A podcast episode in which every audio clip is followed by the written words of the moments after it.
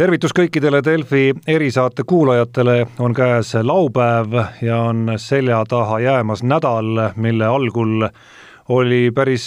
mitmel päeval ja väga mitmes meediaväljaandes fookuses värske seltskond noori, kes siirdusid ajateenistusse. tuhat üheksasada nelikümmend, kui täpne olla, oli siis nende noormeeste ja neidude arv, kes aega teenima läks. mul on hea meel tervitada täna Delfi erisaate stuudios Kaitseväe peastaabi ülemat brigaadikindral Veiko Vello Palmi. tere, aitäh kutsumast ja on alati meeldiv rääkida riigikaitsest ja Kaitseväest äh,. mida need noored hetkel teevad? Need noored teevad äh, seda, mida tegid äh, noored iga kutsumise ajal, ehk nad praegu võtavad välja varustust, õpivad tundma oma kasarmut, õpivad tundma oma, mis on kõige-kõige tähtsam, õpivad tundma oma teenistuskaaslaseid ja ülemaid teenistuskohta ja teenistustingimusi praegu käib väga aktiivne sisseelamine. esimesed signaalid ühe kolleegi poja ja ühe öö, sugulase poja näitel ütlevad, et väga aega ei ole kodustele märku anda, et päris kiire on see oli meie jaoks või see on aastaid Kaitseväe ja kaitseväelaste jaoks olnud väga üllatav, et me peame kaitseväkke tulnud noortele ise käskima, et olge head, helistage oma vanematele, öelge, et teil on kõik korras ja nii edasi, et, et meie jaoks on see iga aasta väike jälle õpikogemus, aga nüüd ta on tegelikult meil protseduuridesse sisse kirjutatud ja on esimestel päevadel kohustuslikud kodustele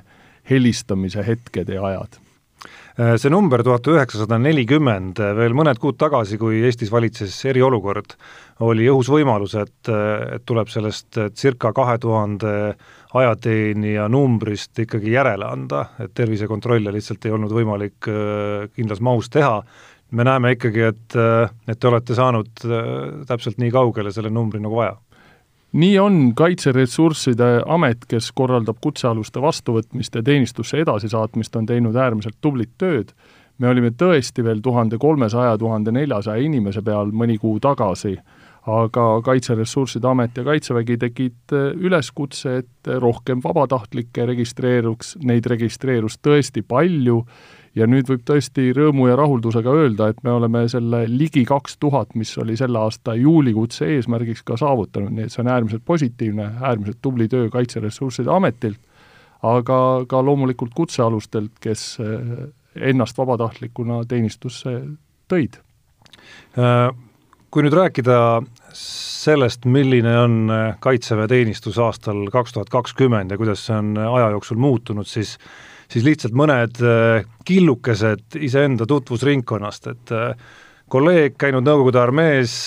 poeg läks sõjaväkke ja olnud kogu aeg bravuurikal arvamusel, et ega see Eesti Kaitsevägi mingi tõsine asi ei ole, et see Nõukogude värk oli ikka õige kaks aastat ja koju, ma ei tea, kas sai või ei saanud selle aja jooksul ja nii edasi. Äh, siis teises äärmuses üks muretsev ema, kes äh, juba siis, kui päeva jooksul pole märguannet tulnud, hakkab natukene pelgama, et äkki on midagi juhtunud, et karm värk ikkagi. ja siis üks äh, kolleeg käis aastal kaks tuhat viis ise aega teenimas, muljed väga head, meenuvad ka mõned niisugused karmimad hetked, kus korra nõudmise nimel ühe viltuse hambaharja pärast terve seltskond pidi pool tundi tegutsema, et linna, linnaloale saada ja arvas, et ju on täna ikka asi läinud nagu leebemaks. milline on Kaitsevägi nende, nende erinevate versioonide taustal aastal kaks tuhat kakskümmend? kaitse, kaitseväeteenistus siis ja ma ütlen niimoodi väga üldises mõttes sissejuhatuseks, et Kaitseväe eesmärk on ikkagi riiki kaitsta ja Eesti Kaitseväe eesmärk on ei rohkem ega vähem kui võita järgmine sõda ja selle tõttu kaitseväeteenistus muutub ajas, sest riik ja ühiskond muutub ja need ohud muutuvad. ja on täiesti loomulik, et kaitse teenistust, kaitseväeteenistust Eesti Kaitseväes ei saa võrrelda aastaga tuhat üheksasada üheksakümmend kaks, kui mina mõned kuud olin kaitseväeteenistus, enne kui otsustasin hakata elukutseliseks kaitseväelaseks, või aastal kaks tuhat viis või kaks tuhat kümme, me areneme, me läheme paremaks, aga selle arenemise paremaks muutumise eesmärk ei ole mitte kunagi teha kaitseväeteenistust leebemaks või lihtsamaks, vaid ikka selleks, et et äh, kaitseväeteenistus võimalikult hästi toodaks meile seda sõjaväge, mida Eesti riigil vaja on. Ja lihtsalt väikse kommentaarina, et need kolm läbilõiget, kogemus Nõukogude armeest, kogemus Eesti kaitseväest ja, ja hoolitsev vanem, mitte ainult ema, vaid hoolitsev vanem väga üldiselt, ongi need tavaliselt kolm gruppi, kellega me iga kord tegeleme, kui me uusi sõdureid ajateenistusse võtame küsimused, mured, probleemid on kõik väga tuttavad, meil on olemas standardvastused ja meie jaoks, ma arvan, kõige parem kiitus ongi nendelt inimestelt, kes selle kaitseväeteenistuse, riigiteenistuse ise on läbi teinud ja seda rahulolevalt teistele soovitavad. millises seisus äh, tänapäeva noored jõuavad teieni, et on ju palju juttu olnud sellest, et äh, ja mitte ainult ajateenistuse kontekstis, vaid ka juba kooli kooli kontekstis, et, et füüsiline võimekus näiteks äh, ei ole kiita, peab see paika? ma alustan jälle kaugemalt, et alles äh, maikuus läks äh, reservi, alustas Eesti riigikaitses reservteenistust eelmine suurem lend sõdureid, kes läbis ajateenistuse kaks tuhat üheksateist, kaks tuhat kakskümmend. Nemad oma teenistuse lõpul, ajateenistuse lõpul ja enne reservteenistust sooritasid äärmiselt keerukaid harjutusi, äärmiselt keerukaid nõudvaid lahinglaskmisi pataljoni koosseisus, ehk sul on põllu peal üle tuhande viiesaja mehe, lasevad suurtükid, miinipildujad, tankitõrjerelvad äh,, hästi palju tulejõudu, hästi nõudev, hästi intensiivne, põnev, nelikümmend kaheksa tundi padruni järjest rauas ja nii edasi ja nii edasi. mul ei ole mingit kahtlust, et aasta pärast on täpselt sama seis. ehk siis need inimesed, kes meile praegu väravatest sisse tulid, on võimelised aasta pärast tegema täpselt sedasama. nii et ma nagu üldises mõttes sellise noorus on hukas teemat üles ei tõstaks. tõsi küll, tuleb tunnistada, et noored on ajas muutunud, ma ei ütleks, et on läinud kehvemaks või paremaks, aga noored on ajas muutunud võrreldes nende sõduritega, kellega koos äh, ja ka mina olin üks nendest, alustasime tuhat üheksasada üheksakümmend kaks, on äh, täiesti selge, et tänapäeva noored on märgatavalt äh, nutikamad, märgatavalt targemad, märgatavalt paindlikumad, märgatavalt iseseisvamad erinevate otsuste tegemisel. mina oma Nõukogude kooliga eriti otsuseid teha ei osanud, neid otsuseid olid sellised tavapärased isegi olmetasemel, et eh, sa lähed poodi ja sa ei pea valima viiesaja juustusordi vahel, vaid sa valid selle, et kas sa ostad juustu või ei osta juustu, juhul kui juustu oli. nii et elu oli märgatavalt eh, üheülbasem, mitte lihtsam, vaid üheülbasem. aga vastab ka tõele, et eh, mõneti on muutunud kogu ühiskonna füüsilised harjumused ülekaal on terves ühiskonnas suureks probleemiks ja inimeste vähene liikumine on terves ühiskonnas suureks pro-, probleemiks ja see tähendab, et eh, täpselt samasugune materjal tuleb meile ka väeosa väravatest sisse. soomlased on väga põhjalikult seda teemat uurinud ja väga väga põhjalikult kolme-neljakümne aasta jooksul teinud sarnaseid katseid ja need trendid on eita, neid ei saa eitada, noorte füüsiline kestvus ehk kestvusspordialade mõttes ja, ja ka jõu mõttes on kogu aeg läinud kehvemaks. noortele meeldivad tänapäeval teistsugused spordialad, rulasõit, BMX, ka e-sport, mis on praegu väga-väga populaarne. aga meil oleks vaja pigem selliseid inimesi, kes oleks valmis pikki vahemaid kõndima raske kandamiga viima raskuseid ühest kohast teise või siis tegema selliseid lühikesi spurte lahinguväljal. nii et see vastab tõele, päris selliseid noori me ei saa, aga võib-olla kui ühiskond leiab, et võiks muutuda, siis tulevikus läheb pilt teistsuguseks kuidas selle muutusega sellel peaaegu aastapikkusel perioodil, et äh, värskes äh, LP-s, kus oli jutuks siis äh, nii-öelda tegev tippsportlaste äh, Kaitseväe palgalt kaotamine, seal äh, Martin Herem, Kaitseväe juht, tõi siis ühe põhilise argu-, argumendina välja selle, et, et, et Kaitseväe jaoks on olulisem kui nende tippsportlaste palgal hoidmine see, et äh, nende kuude jooksul, mis ajateenijad on teenistuses, nad oleksid oluliselt paremas vormis just lahkudes, kui nad võib-olla praegu on? ma veel tegelikult julgemata otseselt vastu vaielda oma otsesele ülemale, Kaitseväe juhatajale, natukene, kuidas ma siis ütlen, laiendaks tema mõtet. ma ei usu, et ta mõte oli sellele suunatud, et me peaksime inimesest ajateenistuse jooksul, nende lühikese kaheksa või üheteist kuu jooksul, tegema parema, füüsiliselt parema ettevalmistatud inimese, see juhtub niikuinii. see juhtub sisuliselt meist hoolimata või meist sõltumata või, või isegi sellise tavapärase rütmiga tegutsedes, sellepärast et kaitseväeteenistus on alati intensiivne, see on alati füüsiline ja su vorm paraneb ajateenistuse jooksul niikuinii. ma arvan, et see rõhk, millele me surume, on ikkagi see, et meie eesmärgiks, meie kaitsevägi on reservsõjavägi. ajateenistuse kõige tähtsam osa on reservteenistus ehk sellel hetkel, kui inimene määratakse oma reservametikohale, sellel hetkel ta peab oma nii-öelda kogu keharaskust ise kandma, tema peab riigi eest väljas olema. Ja nüüd olema, olenemata sellest, kas see, see reservväelane on, reservväelasel on ajateenistusest möödas kolm kuud, kolm aastat või kolmkümmend aastat, ta peab nende lahinguvälja nõuetele vastama. Ja seetõttu ma arvan, et meie selline põhirõhk on tekitada olukord, kus inimene ajateenistuse jooksul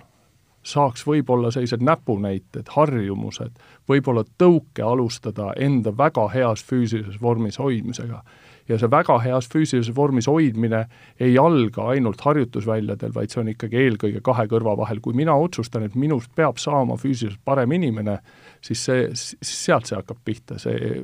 nagu tuntud maksiim ütleb, et trenni tegemises, jooksma minekus kõige raskem on see esimene samm, see tossude jalga panemine kuidas vaimse poolega, kui, kui motiveeritud äh, on tänapäeva ajateenistusse tulijad, et siin äh, üks uuring aastast kaks tuhat kuusteist oli, mis ütles, et pooled ikkagi on sellised, ütleme, sellised vastumeelselt tulijad, et ainult sellepärast, et on kohustus? ja see on küsimus, millele on tegelikult nii naljakas, kui see ka ei ole raske üheselt vastata. selge on see, et ajateenistusse vabatahtlikult Äh,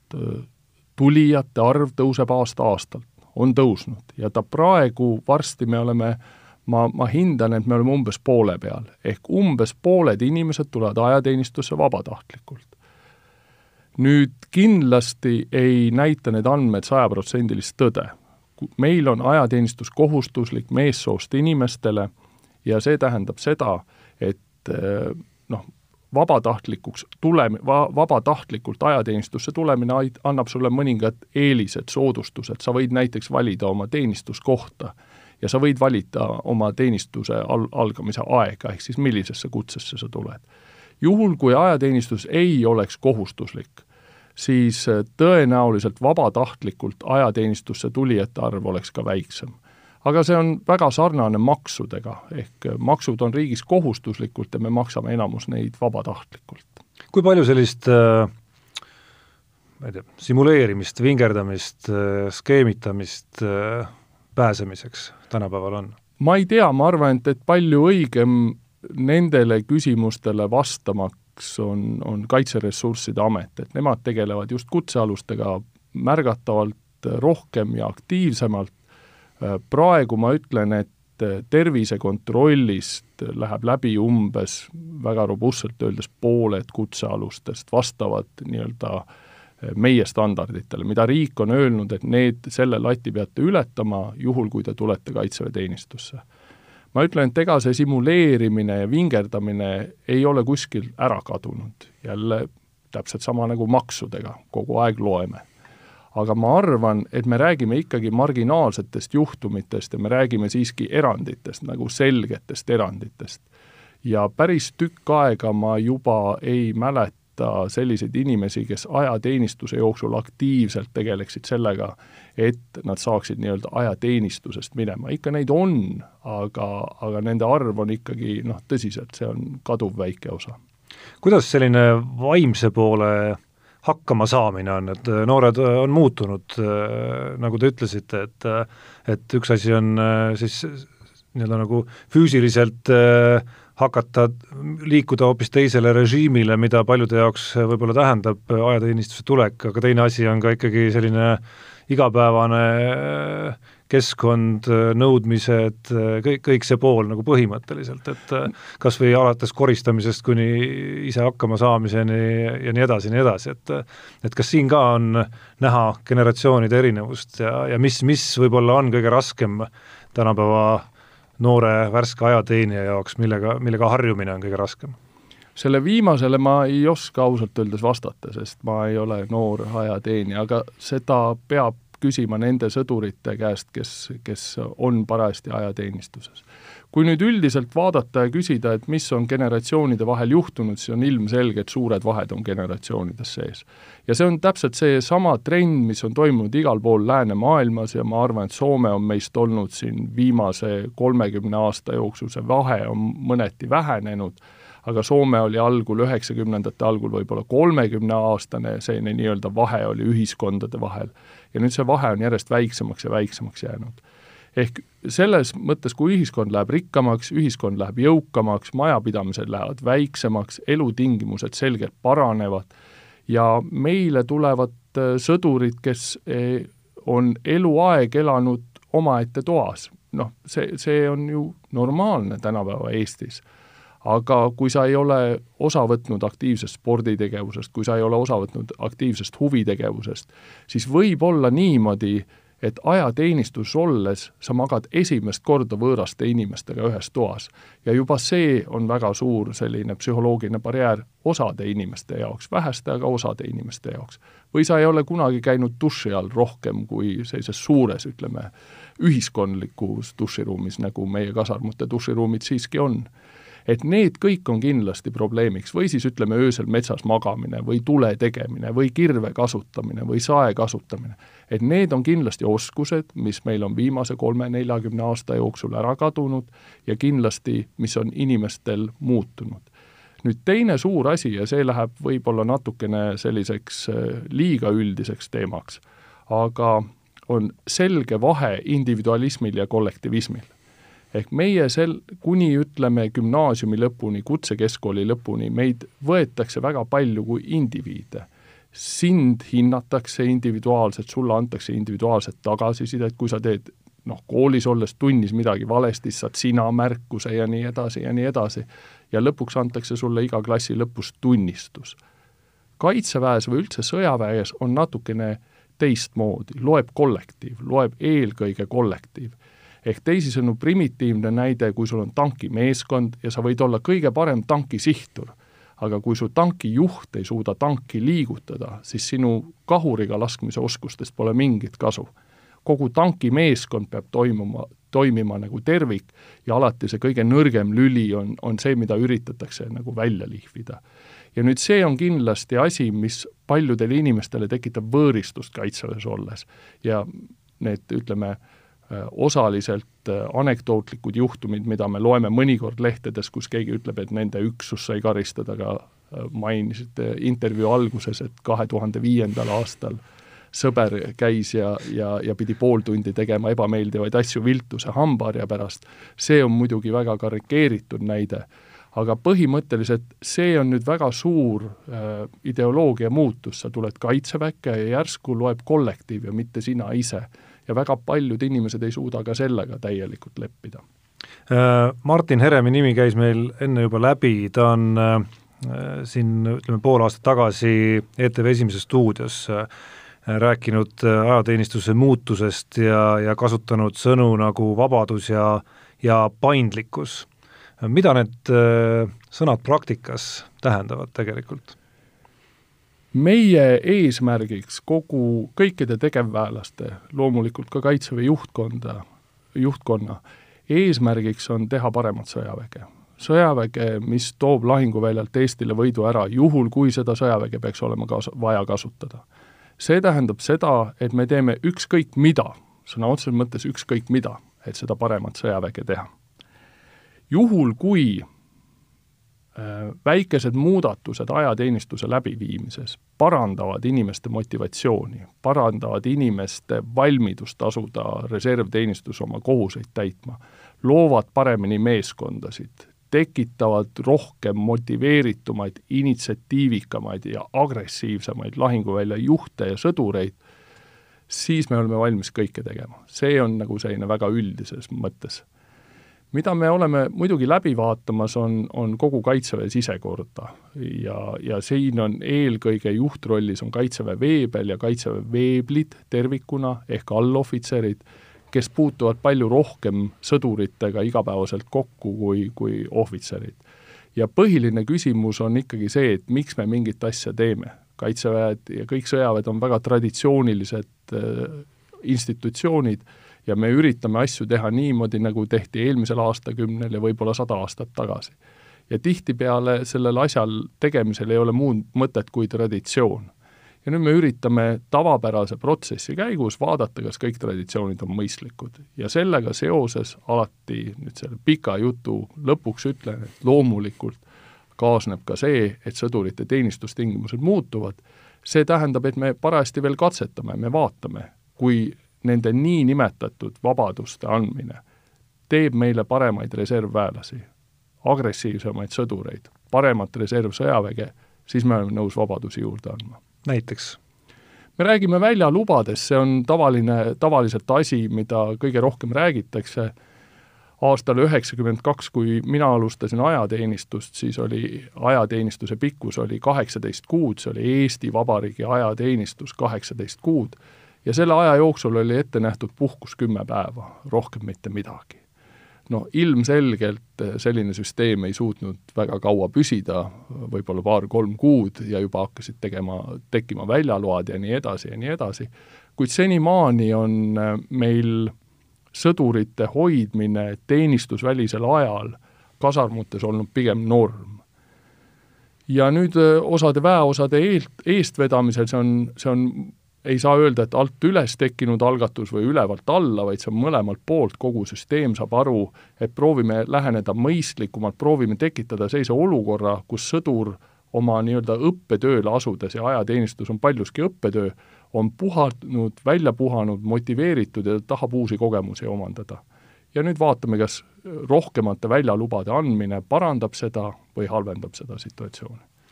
mis äh, suurusjärkudest või, või, või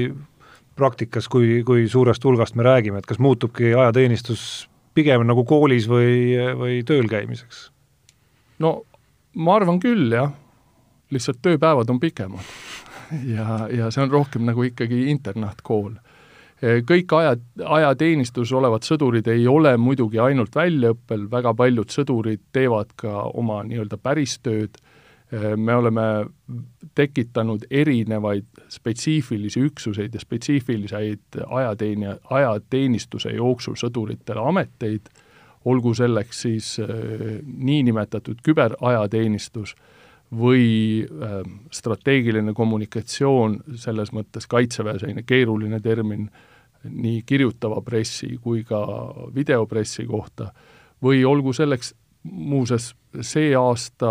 kui mu mälu nüüd ei peta, peaks meil alustama teenistust üks ajateenija, vabandust, üks sõdur ajateenistusse, ma üritan seda sõna ajateenija vältida nii palju kui vähegi võimalik kes on välja õppinud hambaarst ja tema oli huvitatud eh, oma hambaarsti töö jätkamist ka ajateenistuse jooksul ja, ja ma olen päris veendunud, et me talle vastu tuleme, sest hambaarst lahinguväljal on väga-väga oluline. Äh, kas sellesama paindlikkuse, vabaduse ja, noh, seeläbi siis motivatsiooni tõstmise ritta läheb ju tegelikult seesama võimalus, äh, mida sel korral kasutati juba väga palju, tulla klassi kaupa juba tuttavate kamraadidega, seitseteist klassitäit vist nüüd sel nädalal? Jah, need arvud on natukene erinevad ja ma ütlen ausalt öeldes, et nii, nagu me praegu päris täpselt tegelikult ei tea, mul on kahju nii öelda, aga päris täpselt lõpuni ei tea, palju siis ühikuliselt sõdureid teenima asub, sest saate alguses me mar-, mainisime arvu tuhat üheksasada nelikümmend, täna hommikuse seisuga ma kuulsin, et oli tulnud üks sõdur veel juurde, kes oli hilinenud ajateenistusse, väga positiivne, et ta kohale tuli ja nüüd neid peaks olema vist tuhat üheksasada nelikümmend seitse. Aga osad inimesed lähevad, osad tulevad, üksikute inimeste puhul on, on, on see täiesti võimalik. et paindlik lähenemine kindlasti, me üritame maksimaalselt ära kasutada inimeste motivatsiooni tulla ajateenistusse ja, ja täita oma kohust ajateenistuse jooksul, kui klassiga koos tulemine, ehk siis juba tuttavate inimestega, ja nüüd me räägime väga oluliselt jälle sellest kollektivismist ja meeskonnatundest, et kui see parandab, siis loomulikult me seda kasutame. praegu tundub, et see parandab, see on äärmiselt positiivne tagasiside. kui me saame jälle selle nii-öelda selle barjäärist üle, sellepärast et inimesed pelgavad kõige rohkem tundmatut ja teadmatust ja, ja sõjaväeteenistus, riigikaitseteenistus üleüldse on inimestele suhteliselt harjumatu, kuigi me teeme riigikaitseõpetust koolides, kuigi on olemas avatud uste päevad ja nii edasi, siis kõik inimesed ei puutu sellega kokku. Väike barjäär saab ületatud, loomulikult. aga ma usun veel kord, et see paindliku suhtumise eesmärk on negatiivse stressi vähendamine sõduritel, eriti just ajateenistuse alguses. meie jaoks on ülioluline see esmamulje selles mõttes, kui sa esimesed kaks-kolm-neli nädalat suudad kõik ilusti enda poolt ära teha, siis inimene on märgatavalt valmis edasi teenima oma üksteist kuud ajateenistust ja nelikümmend aastat reservteenistust. kui sa seal nii-öelda see palli maha pillad ja suudad tekitada negatiivse fooni siis sa võid pärast kas või pea peal seista ja iga päev pulga kommi pakkuda, aga kasu on sellest väga vähe. üks suur kannatamine lihtsalt. ja see paindlikkuse osas ma just tahtsingi öelda, et me üritame vähendada seda negatiivset stressi, mitte stressi kui sellist, vaid just negatiivset stressi ja teadmatust äh,. Mainisite ka seda, et äh, vabatahtlikult tulles äh, on võimaluste piires võimalus ka valida, kuhu täpsemalt aega teenima minna, kas kas äh, on siin näha, et ajastule omaselt äh, nii nagu ülikoolis erialade vahel äh, teame me, mis erialasid rohkem soovitakse, et ka siin tegelikult mingid muutused on, on näha ja, ja mingid selged trendid on näha, et ma ei kujuta ette e,